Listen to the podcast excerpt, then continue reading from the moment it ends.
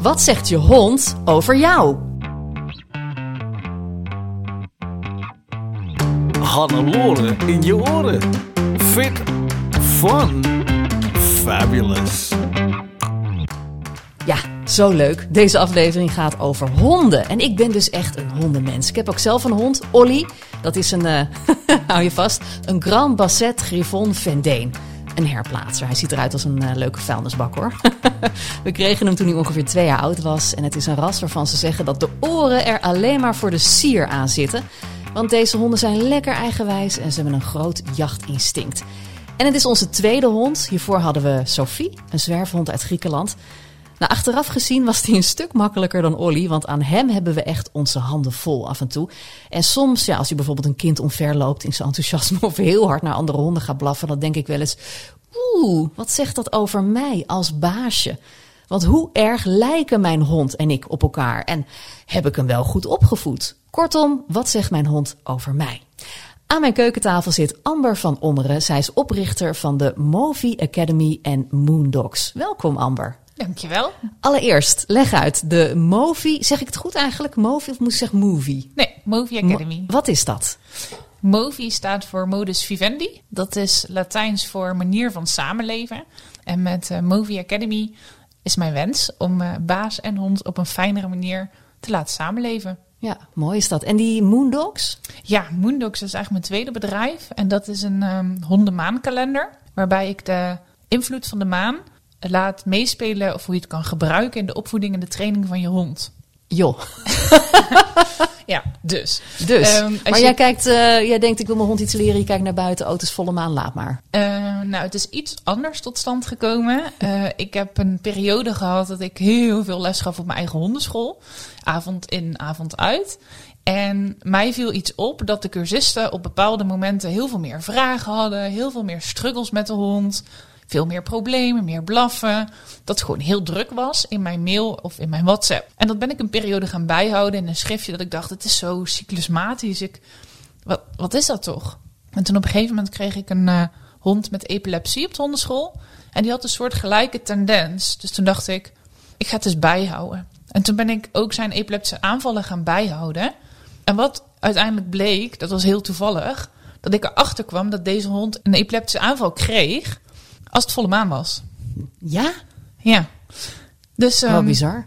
Ja, maar dat maakt het voor de eigenaar wel iets prettiger. Tuurlijk, want dan kan je het voorspellen. En dan weet je wanneer je moet opletten of ja. misschien medicatie kan geven. Ja, of, ja, voor hun was dat dus een heel mooi inzicht. En ik kwam er eigenlijk... Dus dat heb je eigenlijk zelf ontdekt? Dat dus uh, die maan heel veel invloed heeft op de hond? Ja, op, op al het leven waarschijnlijk dan. Ja. Maar ja, dat viel jou dus gewoon echt op? Nou ja, daar zijn we per toeval, omdat ik het gewoon bij ben gaan houden ben ik daarachter gekomen. Toen ben ik me erin gaan verdiepen. Er zijn heel veel mooie maanboeken. Um, ook gewoon voor de mens. Ja, ik krijg er zelf altijd een beetje jeuk van. Dan denk ik, joh, uh, dan zeggen mijn collega's... oh, ik heb zo slecht geslapen, het was volle maan. Dan denk ik, joh, zei ik niet zo. Ja. Maar jij, jij zegt dus vanzelf, zelfs honden, die, die zijn daar heel erg gevoelig voor. Mm. Ik denk dat we er allemaal gevoelig voor kunnen zijn. Maar we bepalen denk ik ook zelf in hoeverre we er last van hebben. Alleen er zijn een paar hele aardse mensen in mijn omgeving, vooral de mannen in mijn omgeving, Mhm. die nu voortaan al zelf zeggen van, uh, oh ik heb zo'n hoofdpijn. Dan kijken ze zelf naar buiten, oh ja, het is een volle maan hoor. ik denk dat het niet zo zweverig hoeft te zijn, want het, die, dat kriebelige herken ik wel hoor, Mhm. wat je zegt. De maan regelt onze eb en vloed. Dat is natuurlijk de waterbasis op onze aarde.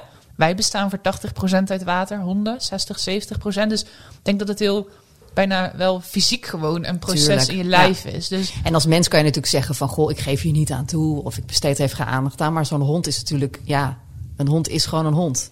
Als in, die is, die is puur gevoel. Die gaat niet denken, oh, uh, ik ga niet klagen over hoofdpijn, want... ja, en als hij hoofdpijn heeft, hoe weten wij dat? Ja, precies. Hoe weten we dat dat? Ja, goeie. Nou, oké. Nou, mooi inderdaad dat je dan twee, twee bedrijven hebt. Twee bedrijven dus die met honden te maken hebben. Hoe, hoe komt dat zo? Ja, dat vraag ik me soms ook af. Waar is dat gebeurd? Waar heb ik de afslag genomen? Nee, ik, ehm, ik ben van origine opgeleid psycholoog. En eh, altijd topsport paardrijden gedaan. Ehm, nou, ook nog ergens een keer eh, is mijn moeder overleden. Dus best wel wat heftige eh, gebeurtenissen ook geweest. En dat leidde eigenlijk door een hele hoge lat. Topsport paardrijden. Een studie wat allemaal cum moest. En daarin ben ik in een burn-out beland. Nou, ik heb daar ook een eetstoornis bij ontwikkeld. En uiteindelijk dacht ik, ja, ik moest iets vinden wat ik leuk vond. Dus ik was 23 jaar en ik wist echt niet. Mijn paarden was een beetje verkocht of kreupel, werkte allemaal niet meer. Mijn studie was afgerond en mijn moeder verloren waar ik helemaal niet om gerouwd had in die periode, want ik moest door, door, door. Dus toen eh, moest ik iets ontdekken van wat vind ik leuk. Ja, een heftige periode is dat geweest dan. Ja, was echt, eh, nee, ja, heftig. Ja, Ja, zeker wel. Maar in ieder geval, ik ben. eh, ja want het heeft een happy end natuurlijk, hè, als we Nee, ja, terugkijken. Ja, het heeft me uiteindelijk wat gebracht. Inderdaad, ik, heftig, het is mijn periode. Dus of het dan, het heeft me gebracht ook waar ik nu ben, denk ik. Naast het verdriet en de rouw en het verlies natuurlijk. Maar ik moest iets leuks gaan bedenken van mijn therapeut. Van bedenk wat je leuk vindt. Je bent 23, je moet nog zo lang. Bedenk tuurlijk. in godsnaam iets wat je leuk vindt. Ja, find your sparkle. En ook letterlijk, kom dan maar weer terug. Dus ik nadenken en ik nadenken. En ik dacht echt, ja, wat vind ik dan leuk? En toen na twee weken kwam ik op zondagmorgen echt door de trap afgerend naar mijn vriend. En ik zei, we moeten een hond. Want als ik een hond heb, moet ik naar buiten. Ik moet wandelen.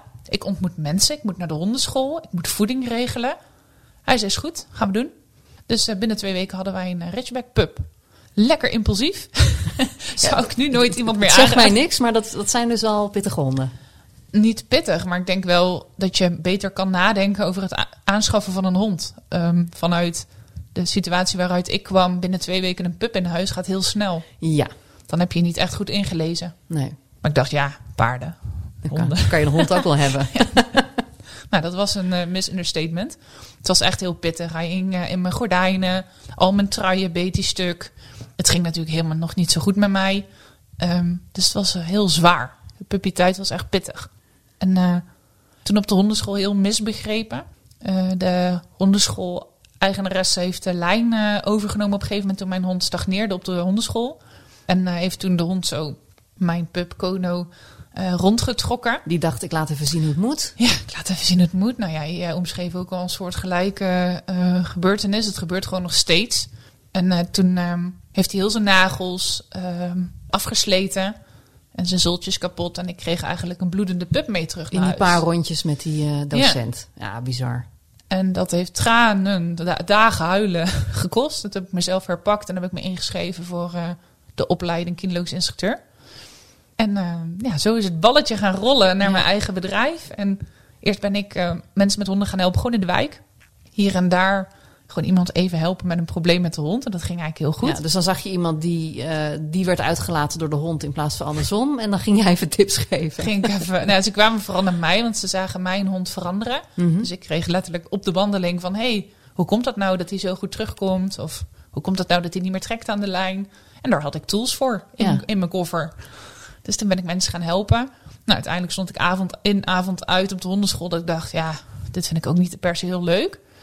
Toen gaf je zelf les. Ja, Ja. gaf ik zelf les op de hondenschool. Wat enorm goed liep. Echt alle avonden vol.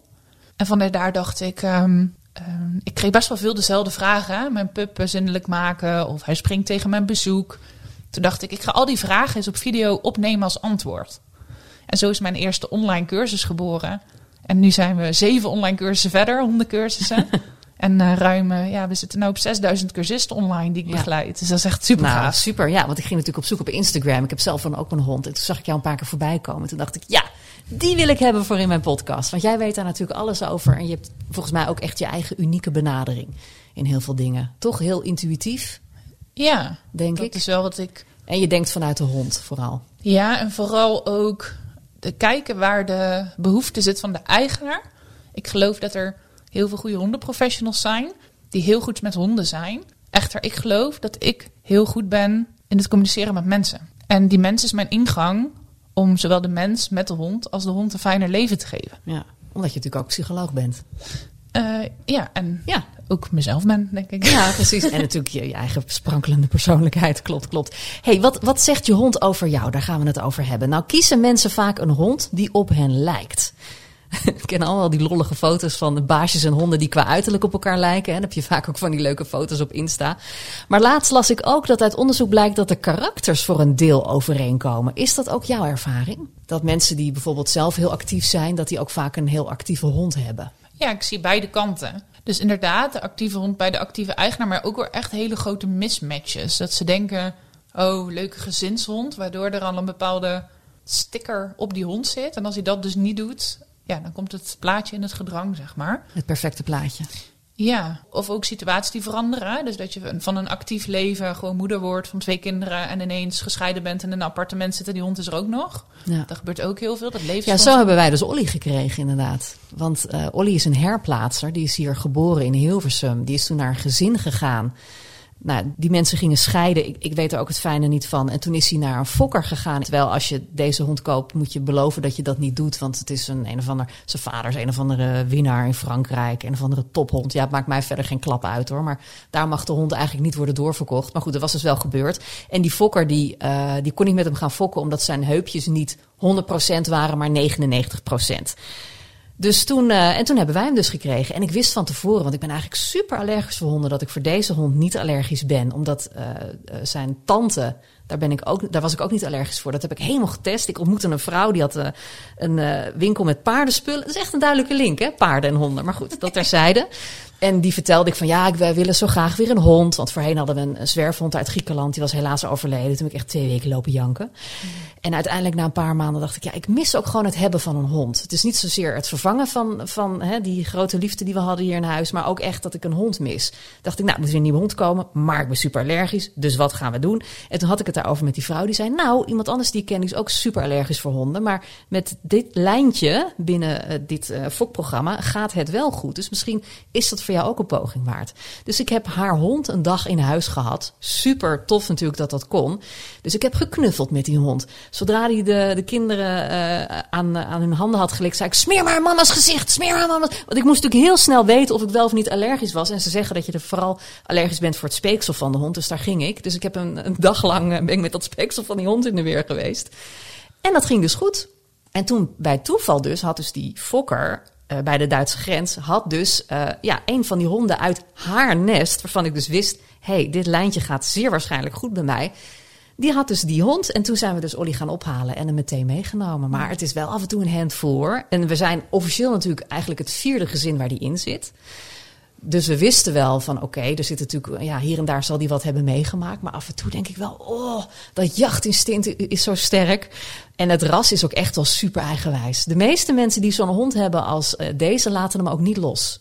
Als ze met hem gaan wandelen. Want dan komt hij gewoon niet terug op het moment dat hij wat ruikt. Nou heb ik hem gelukkig wel zo afgericht inmiddels dat hij bij mij wel vrijwel altijd terugkomt.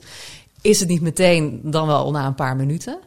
Maar eh, ja, wat een exemplaar is dat zeg. Maar dan denk ik, ja, wat zegt het ook over mij dat, dat die hond zo eigenwijs is? Heb ik soms expres een hele eigenwijze hond uitgekozen? Ja, dat, daar, kun- ik wou me stellen. Ik denk, nou, hij heeft een groot jachtinstinct en is enorm eigenwijs. En hands-on. Ja, Wat, als je dan die karaktereigenschappen zou pakken. De vraag kwam van jou. Herken je dat bij mensen eigen, maar herken jij het zelf? ja nou dat, dat herken ik wel. Dat lekker, dat eigenwijze. Dan denk ik wel, oh leuk, ik hou er wel van. Ja. Ja, maar het is niet altijd even praktisch. Nee. nou ja, je krijgt niet de hond eh, die je wilt, hè, maar die Nee. je nodig hebt. Is dat zo? Ik denk het wel. En ik denk ook dat je de karaktereigenschappen herkent in de hond die in jezelf leven, zeg maar. Dus je herkent enkel wat je zelf kent. En hier moet ik even over nadenken. Dus als ik denk, hij wil niet eten, dan denk ik, hij wil niet eten, want hij vindt zijn eten niet lekker. Dat denk ik dan. Dan denk ik, oh, hij vindt het maar saai, die brokken. Dat kan. Want dat heb ik ook. Ik hou heel erg van eten. Maar als ik het eten niet lekker vind, dan denk ik ook doei. Dus dat bedoel je met, je, je vertaalt het naar je eigen situatie en dat herken je dan in je hond. Ja, of dat je... ehm, voor mij is het dan als ik iemand heel vrolijk vind of heel eh, spontaan... dan kan ik zo denken, oh, dat is een vrolijk, spontaan eh, iemand. Of grappig. En ik geloof gewoon dat ik dat dan zie omdat ik dat zelf graag wil. Maar dat het ook iets wat is wat ik kan gaan bereiken. Want het start met dat ik het bij de ander zie en herken. Ja. Dus als ik bij mijn hond zie, als ik nu kijk naar mijn Izzy. Kono is ondertussen overleden en zijn nichtje woont bij mij. Eh, ook een herplaatser. Ze is met drie jaar bij mij gekomen. Ze is nu ten tijde van deze podcast negen maanden bij mij. En zij is heel zacht, heel eigenzinnig. Ehm, maar ook eh, ten opzichte van het verschil met Kono heel veel. het is heel veel hond in huis. En Maar hoe bedoel je dat ze heel erg aanwezig is? Ja. Kono was er gewoon en dat, dat, dat ehm, ging in elkaar over of zo. Terwijl zij is echt heel ja, aanwezig. Ja. Heel, heel hond. En wat zegt dat dan over jou? Ja, nou, dat, eh, dat is natuurlijk de vraag. Ja, Nou, dat jij er nu ook durft te zijn, Nou, misschien? Of dat je je ruimte opeist? Ja, en ook een angst van, doe je dat dan niet te veel? Mhm. Dat is heel lang ook een spanningsboog voor mij. Dus ben ik niet te veel zichtbaar? Worden mensen mijn gezicht niet moe? Terwijl Izzy is veel, maar ik zie haar graag. Ja. Ja, het is aan alle kanten een les. Maar niet zozeer alleen de honden. Alles wat je door je ogen kijkt. Trek je lering uit andere mensen. Ja. Contacten, relaties, dieren. Ik heb vaak, als ik dan een leuke hond zie, dan vind ik het baasje automatisch ook leuk. Oh nee, dat heb ik echt totaal niet. Nee? Oh. en als ik denk, oh, wat een enge hond. Soms heb je eens, hè, dat je, dan voel je al meteen dat een hond gewoon eh, niet helemaal eh, lekker in zijn vel zit. Dan is het baasje meestal ook eh, super ongeïnteresseerd en nors. En dan denk ik, joh, loop inderdaad maar door. Dag. Ja. Nee? ja, ik denk dat ik daarin gewoon te veel honden en baasjes zie. Dat is mijn werk. Hè. Ja, Dus dan precies. Jij kijk je daar op een heel andere manier naar. Ja. Maar zou je kunnen zeggen dat, dat baasjes wel op hun hond lijken en vice versa? Ik denk, maar, ja, ik denk met alles, als ik nu week in, week in uit met jou omga, ga ik woorden, eh, maniertjes, je gaat dingen van elkaar over. Je gaat op elkaar lijken als je Ja. met elkaar omgaat. Dus ja, die hond zit 24-7 in jouw woning. Je gaat op elkaar lijken. Ja. Ik zie zelfs, dat is wel een leuke misschien. Ik zie dingen van Izzy die ze niet had toen ze bij ons kwam, nu wel heeft en Kono ook had. Is het dan omdat ze familie zijn? Of is het iets wat wij doen als gezin dat zij dat krijgt? Oh, natuurlijk. Ja. En kun je daar een voorbeeld van geven? Zij legt nu, als ze iets wil, even los van wat, haar kop zo op tafel of op de rand van een stoel. Eh, stoelleuning heet dat zo, armleuning. Zo de kop erop en dan doet ze. En dan wil ze iets. Ja. In ieder geval dat ik graag even opsta om te gaan kijken wat ze wil. Dat ik ook nou ook. Nou, dat deed zij echt de eerste paar maanden niet toen ze bij mij was. Nee, want hoe vroeg ze toen aandacht? Door ze wat op mijn schoot te gaan zitten. Ja, en dat Heel- heb je natuurlijk niet gestimuleerd. Nee, dat Nee, vond ik en heel toen- veel. En toen dacht ze later, ik moet op, op een andere, subtielere manier. Ja, dat heeft ze natuurlijk één keer gedaan. Toen dacht ik, "Hm, dat ik ook nog ook. Ja. En nou is dat groter geworden. Ja, ja. Oh, wat grappig. Ja, dan zie je dat we ook een hoop kind inderdaad kunnen aanleren. Hè? Ja. Ik denk altijd dat ik heel veel kan zien aan de manier waarop iemand met een hond loopt. Onze vorige hond was echt wel keurig opgevoed. Zij trok nooit aan de lijn. En ik dacht eigenlijk dat dat mijn verdienste was. Maar nu we Olly hebben, weet ik dat dat niet zo is. Die trekt best wel heel erg. En dat maakt bijna niet uit ja, wat we doen. Dus wa- wat zegt dat volgens jou over, over mij als, als baasje? Dat, dat Olly gewoon enorm trekt. Niet altijd, maar zeker. Ik zeg altijd, zijn neus gaat aan. En dan gaat die neus naar de grond. Zo. En dan, en dan, nou, ja, dan ruikt hij weer iets. En dan ben je gewoon verloren. Dan, dan laat hij jou uit. Ja, wie laat dan wie uit? Ja. Ik denk niet dat het zoveel over de eigenaar zegt. Het zegt misschien iets over het contact en de verbinding die je met je hond hebt op dat moment. Mhm. Maar ik denk dat we een beetje uit de wereld moeten stappen. Dat een trekkende hond dan dus een onopgevoede hond is. En dat dus die eigenaar een lapswans is. ik ken heel veel gecommitteerde en compassievolle eigenaren die een trekkende hond hebben. En die hond heeft een eigen DNA-pakket, een eigen verhaal. Zeker in Olly zijn geval, vier verhalen. Ja. En de hond kan ook trekken door een sensatie die hij zelf meemaakt. Dus bijvoorbeeld in Olly zijn geval. Olly kan trekken aan de lijn omdat eh, de geurbeleving hem gewoon heel veel wordt. Trekken aan de lijn kan, hoeft niet, kan een stresssignaal zijn. Dus stel nou, ik heb Olly even gezien, dus ik durf het wel te zeggen. Ja. Dat alle geuren verwerken hem best wel veel kruim kost. Dan is het gewoon voor hem heel moeilijk om ook nog contact met jou te houden. Dat kan hij wel leren, alleen dan moet jij er iets aan gaan doen. ja, maar hij wordt op dat moment zeg maar overprikkeld. Ja, hij heeft gewoon heel veel geurbeleving. Dat is hij aan het verwerken. Hij wordt er ook nog dolgelukkig van. Want het zijn ook nog leuke meiden die hij ruikt. je zet hem eigenlijk in een overvolle kroeg. En dan vraag je als mama... Yo, wil je yogi? nee, dat wil hij niet. Nee. Dus het gaat uit van verbinding en contact. Maar dan nog zegt het niks over jouw opvoeding. Die hond ervaart daar zelf iets. Het zegt wel iets over de effort, de tijd en de energie.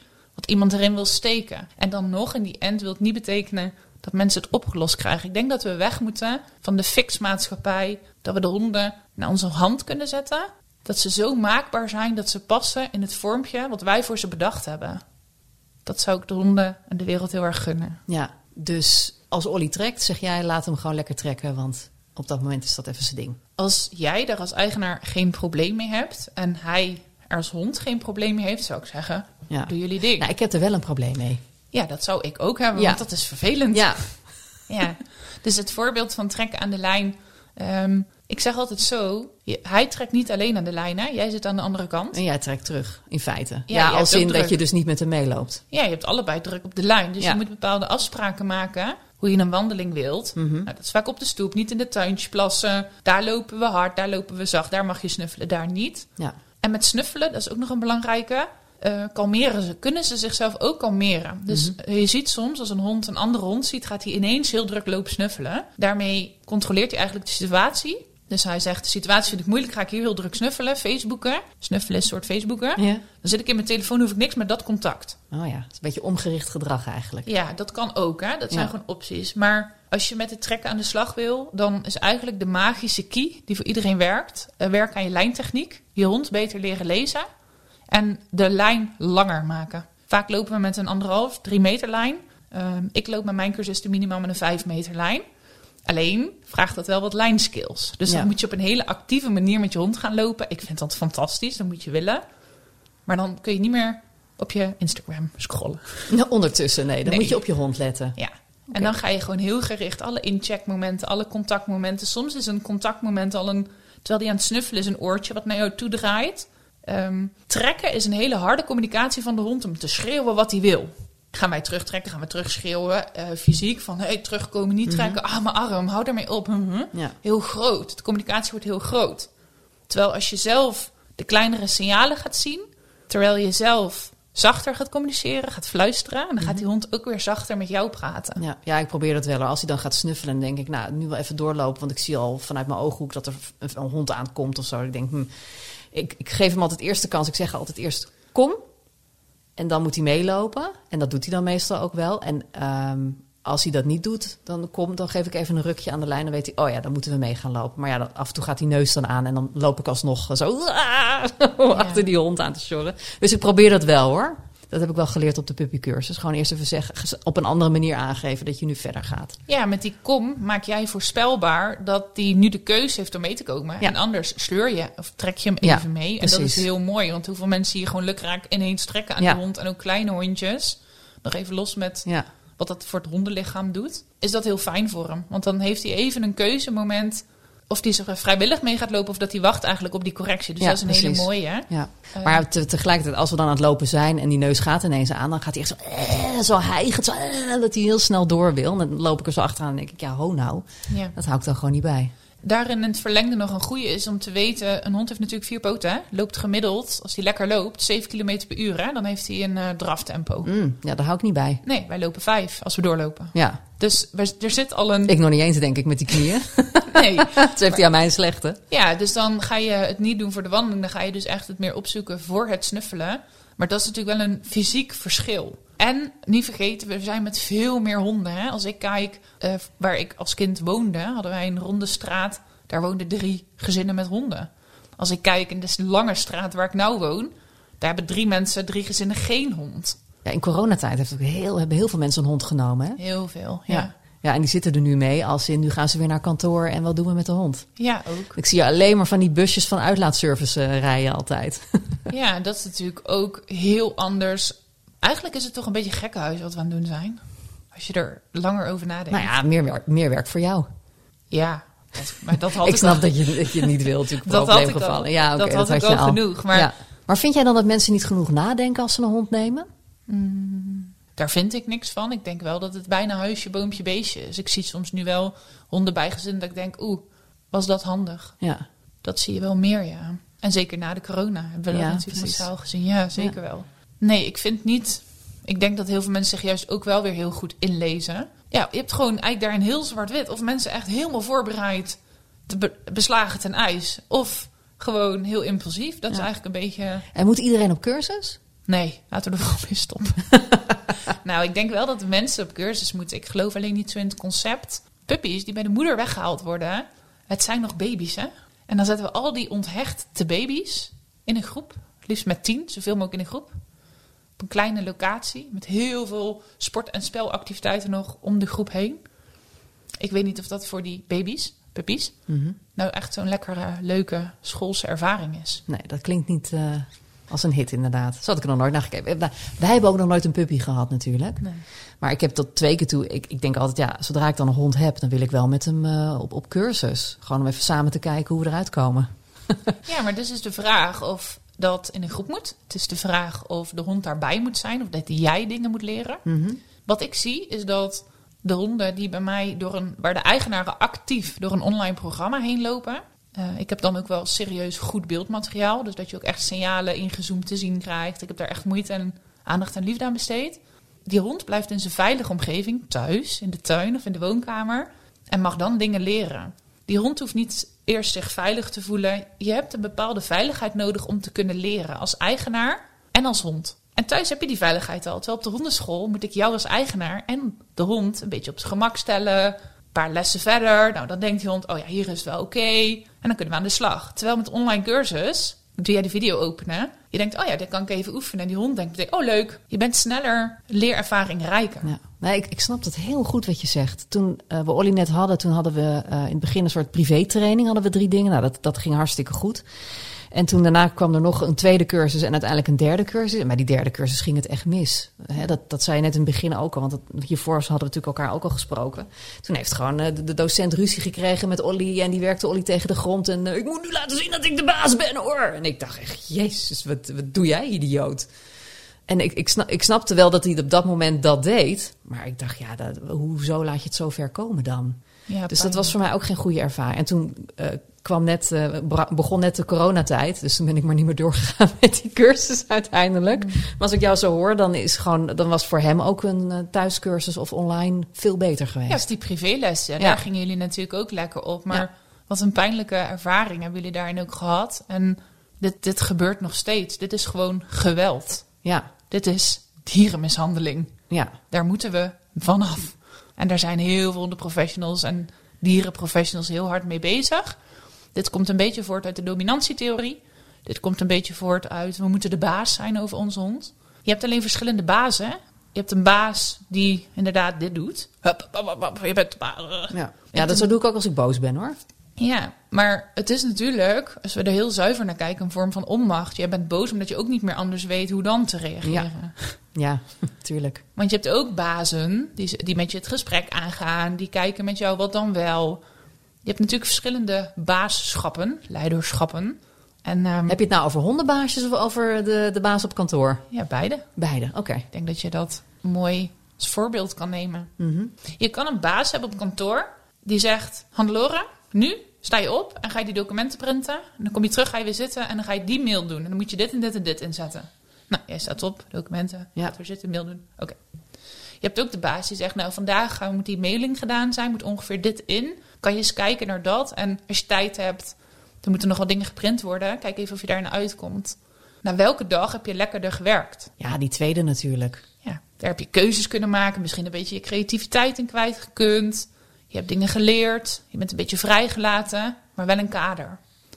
En dat is het voorbeeld wat ik altijd neem. Je kan je hond rondcommanderen. Zit af, blijf, hier. we- ta- nou, daar zou ik heel moe van worden. Ja. Of je hebt gewoon een leuke tijd met elkaar. Met wel afspraken en grenzen. Maar vanuit keuzevrijheid. En het is zo mooi als je wat jij eigenlijk wil dat de hond doet... samen kan voegen met een keus die de hond maakt. Dat je die twee werelden bij elkaar brengt. Dat is gewoon zo mooi als je daar kan zijn met je opvoeding. Dat hij dan uit zichzelf al doet wat je eigenlijk wil dat hij doet. Of Ja, Ja, tot op zekere hoogte natuurlijk. Of dat je er helemaal oké mee bent met wat de hond eigenlijk wil doen. En dat het prima is op dat moment. Eh, Het kan natuurlijk ook iets zijn dat wat vanuit... Ik bedoel, eh, ik denk bijvoorbeeld als ik met Olly op de hei loop. Hij ziet een modderpoel. Nou, hij, je kan hem niet gelukkiger krijgen. Hij gaat vol voor die modderpoel. ja. Dus in het begin, eh, nee, nee. En dan liep ik er half achteraan. En nu denk ik, prima joh, ga jij maar lekker in die modderpoel. Want we hebben zo'n een of andere grote hondenfeun gekocht. En als ik dan met hem ben uit geweest, dan app ik Remco al. Kijk uit, je, je krijgt een blubberbol. En dan staat Remco al klaar met die föhn om hem hier helemaal schoon te maken. Maar dan heeft hij wel ontzettend veel lol gehad.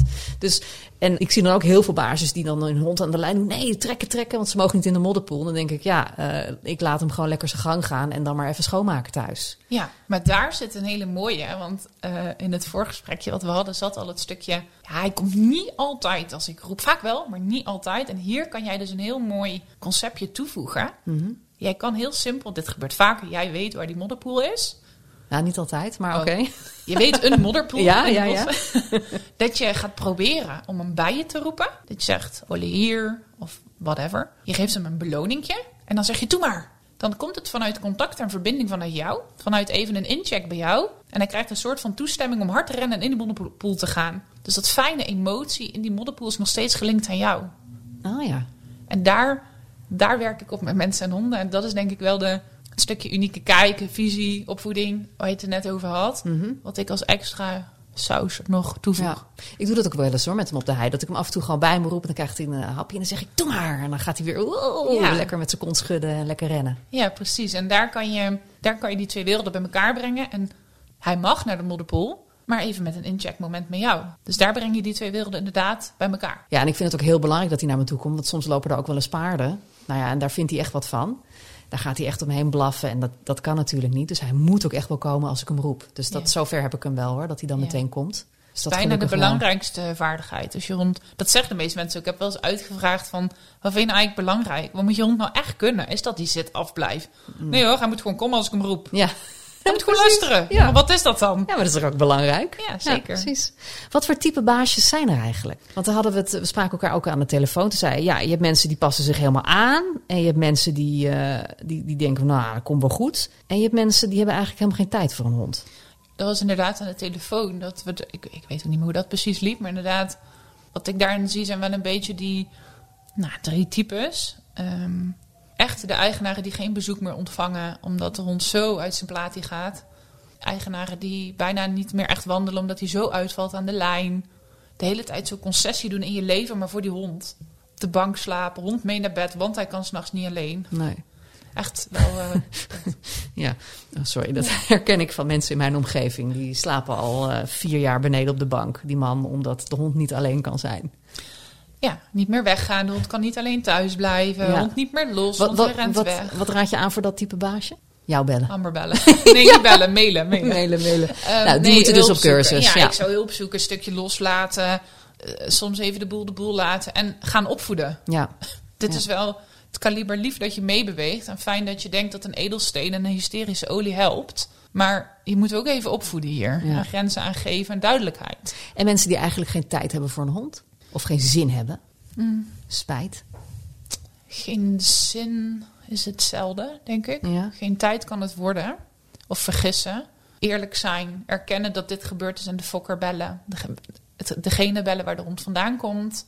Paar professionals inschakelen. Niet zomaar iets op Facebook zetten, want je wordt echt afgebrand.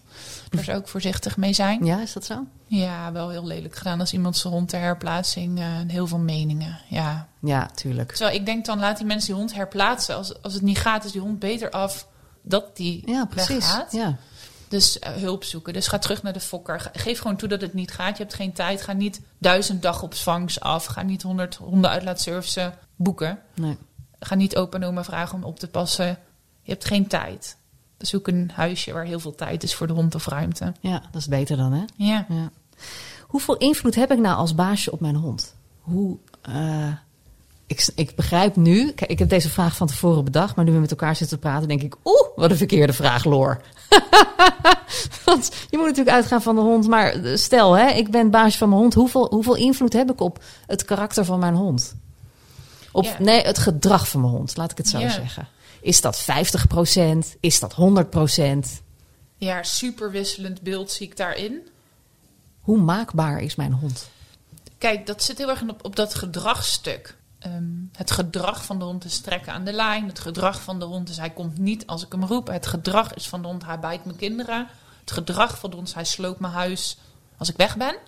Als we dat maakbaar willen krijgen, dan ga je al heel snel met correcties, fysieke dingen, grote monden, opsluiting eh, werken. Om dat gedrag in te dammen. Dat is een soort bal onder water drukken die toch vroeg of laat de lucht in knalt als eigenaar heb je de verplichting om je hond emotioneel een fijn leven te geven.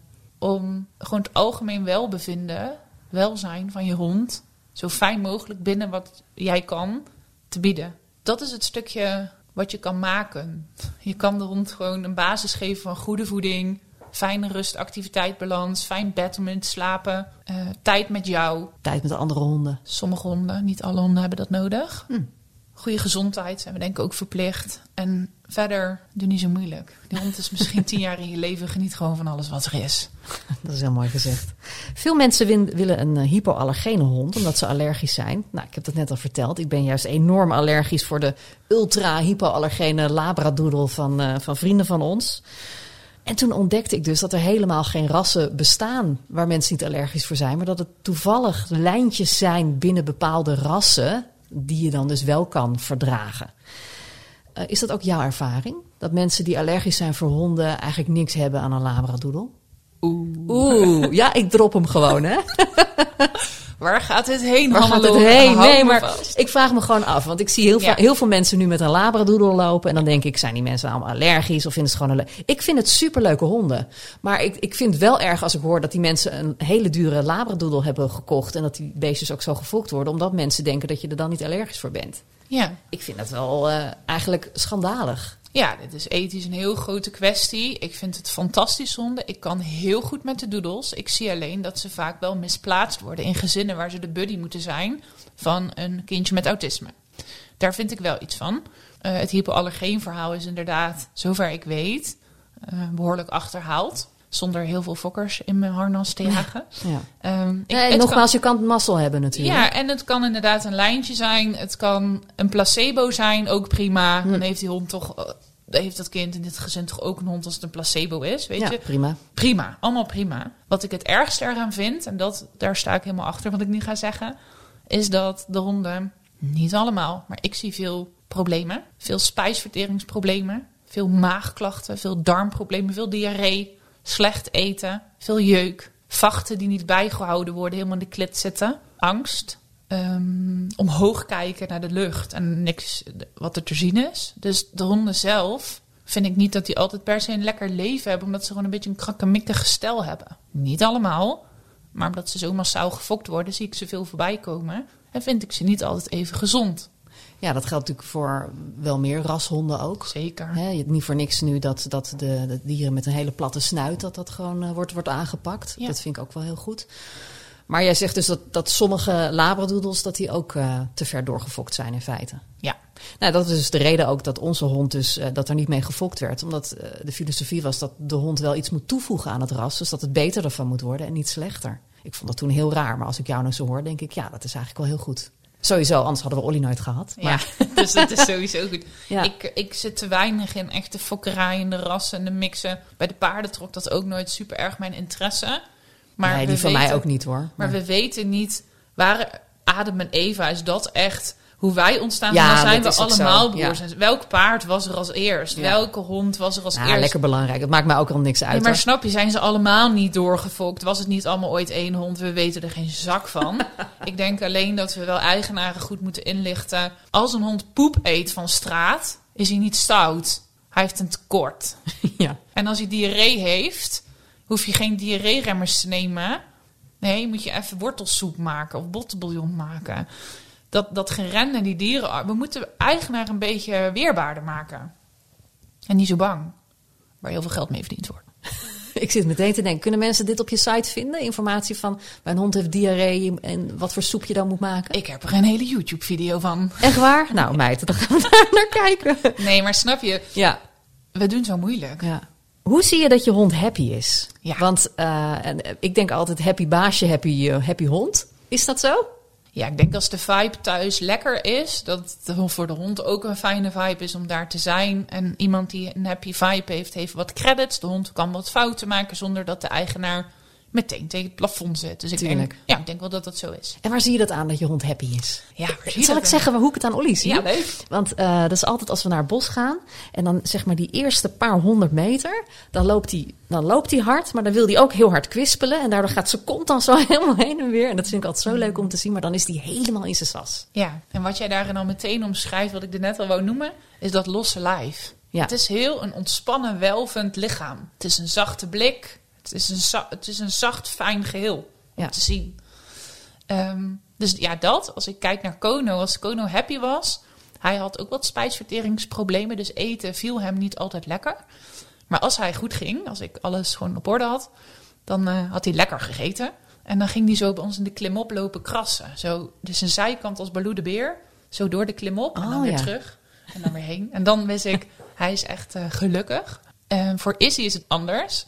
Eh, Izzy is gelukkig als zij eh, echt gaat rollen door het gras. Of eh, rennen en dan weer rollen. Rennen en weer rollen. Maar ook in een heel ontspannen, ja, los, zacht lichaam. Hmm. Ja, Olly eh, rolt dan meestal door de paardenpoep. Ja, ook heel gezond. maar dat vind ik zo vies. Of door de, de, de natte poep van een andere hond. En dat dan is wel echt Dan heeft hij echt zijn hele nek zit dan onder. En dan heb ik dat niet gezien. En dan zeg ik, kom maar hier, dan wil ik hem knuffelen. En dan grijp ik gewoon midden in de poep. Dat vind ik heel grappig. Ja, dan heb ik dus een hele blije hond, maar de baas is wat minder blij. Ja, maar wie heeft er dan een probleem? Ja, ik, want ik moet Olly ook weer de auto intillen. dan denk ik, hoe ga ik dat dan weer doen? En dan ga ik maar meestal met blaadjes, maar een beetje het ergste eraf halen. Dus boomblaadjes. Ja. Dus, en als ik echt van tevoren heb nagedacht, dan heb ik van die toetenvegers bij me... waar ik hem dan een beetje mee onder handen kan nemen. Maar het is echt zo goor. En hij vindt het geweldig. Ja. Ja. Ja, ik moet zeggen, toen Izzy net bij mij kwam... Kono deed dat niet. Dat was echt een hele nette, schone hond. Kom ik nu achter. Nou, ik Izzy heb. Dan denk je ook dat het aan jou ligt. Ja. Ik dacht ook dat Sophie, dat we die geweldig hadden opgevoed. Maar dat lag gewoon aan de hond zelf. Ja, jammer hè. Ja. Maar nou heb ik Izzy, die deed het ook heel erg. In de paardenpoep rollen. En in, eh, wij, waar wij lopen, lopen van die ehm, hooglanders, koeien. Ja. Ging ze ook in rollen. Oh ja. Zo vies ook. Eh, maar ik moet zeggen, ze doet het eigenlijk... eh, ze heeft het niet meer gedaan. Dus ik ga er even op letten van de week. Ik heb even niet helder of ze het echt niet doet... of dat we het niet meer tegenkomen Oh zijn. ja, dat kan natuurlijk ook, ja. Maar ze is eigenlijk alweer een paar maanden niet vies meer naar huis gegaan. Dus Ja, volgens mij wil gewoon Olly gewoon lekker ruiken om de blitz te maken bij de andere honden. Denk ik dan wel eens. ja. Kijk mij eens even lekker eh, een eh, paardenpoepparfummetje op hebben. Serieus. Kun jij als expert meteen aan een hond zien eh, hoe het baasje eigenlijk is en hoe die met de hond omgaat? Ja, mooie vraag. Het is ook mijn laatste vraag, dus beter wordt het niet meer. Kijk, als ik met een eigenaar wandel en ehm, de hond komt uit de auto al los op mij afgerend en ik word helemaal besprongen en belaagd, dan denk ik, oh, jij laat hem vrij. Oké, interessant.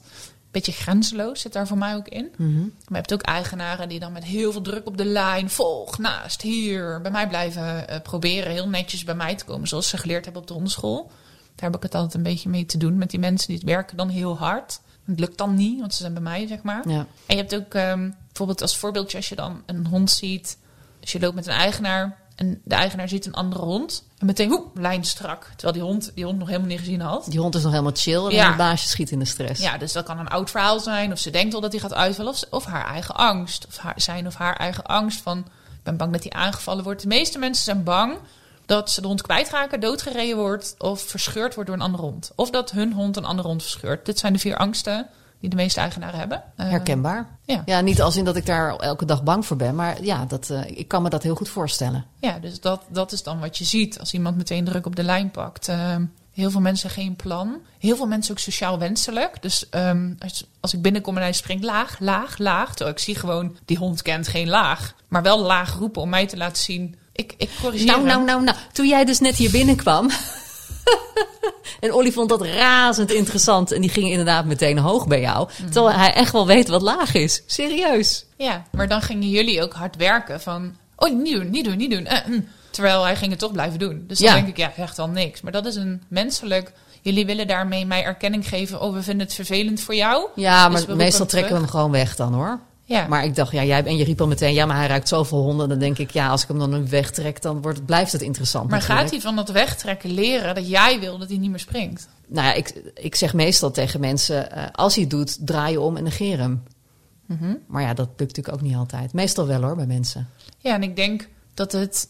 Wat ik zag wat hij deed, was heel hoog bij mij geur pakken. Ja, Terwijl hij mag leren dat aan mijn voeten en aan mijn benen ook al geur zit. ja, precies. Maar door zijn opwinding komt hij omhoog. Dus hem wegtrekken gaat niet zorgen dat hij leert Dat hij laag moet om op vier pootjes bezoek te begroeten. Het is een bepaalde opwinding die hij richting mij had. En daar kreeg hij wat vrijheid van van jullie om mij op die Mhm. manier dan te benaderen. Waarna hij in een conflict raakt eigenlijk met zijn eigenaren. Want jullie willen hem daar weg hebben. Ja, Niet doen, jullie willen dat niet. Terwijl waarschijnlijk als ik hier was gaan zitten en hij was even weg en hij was er daarna bijgekomen. En ik zat al gewoon met mijn handen op tafel. Kleine kans dat hij dan ja, dan doet hij dat niet. Nee. Dus in je management aan de voorkant kan je heel veel ongewenst gedrag voorkomen. Mhm. Ja, Sterker ja, meestal zit hij gewoon achter deuren als er bezoek komt ook. Ja. En op het moment dat hij dan hier gesnuffeld heeft en hij beweegt weg, zie je vaak dat ze afschudden. Dat is letterlijk de spanning kwijtraken. Ja, precies. En dan kan je zeggen, fijn gedaan Olly, dankjewel. Terwijl nu heb je zes keer gehad. Hé, niet doen. Nou, niet doen. Dat Ja. is gewoon een minder fijne plek om te zijn dan wanneer je kan zeggen, goed gedaan. Maar dat zit in nadenkwerk vooraf, Ja, in management vooraf.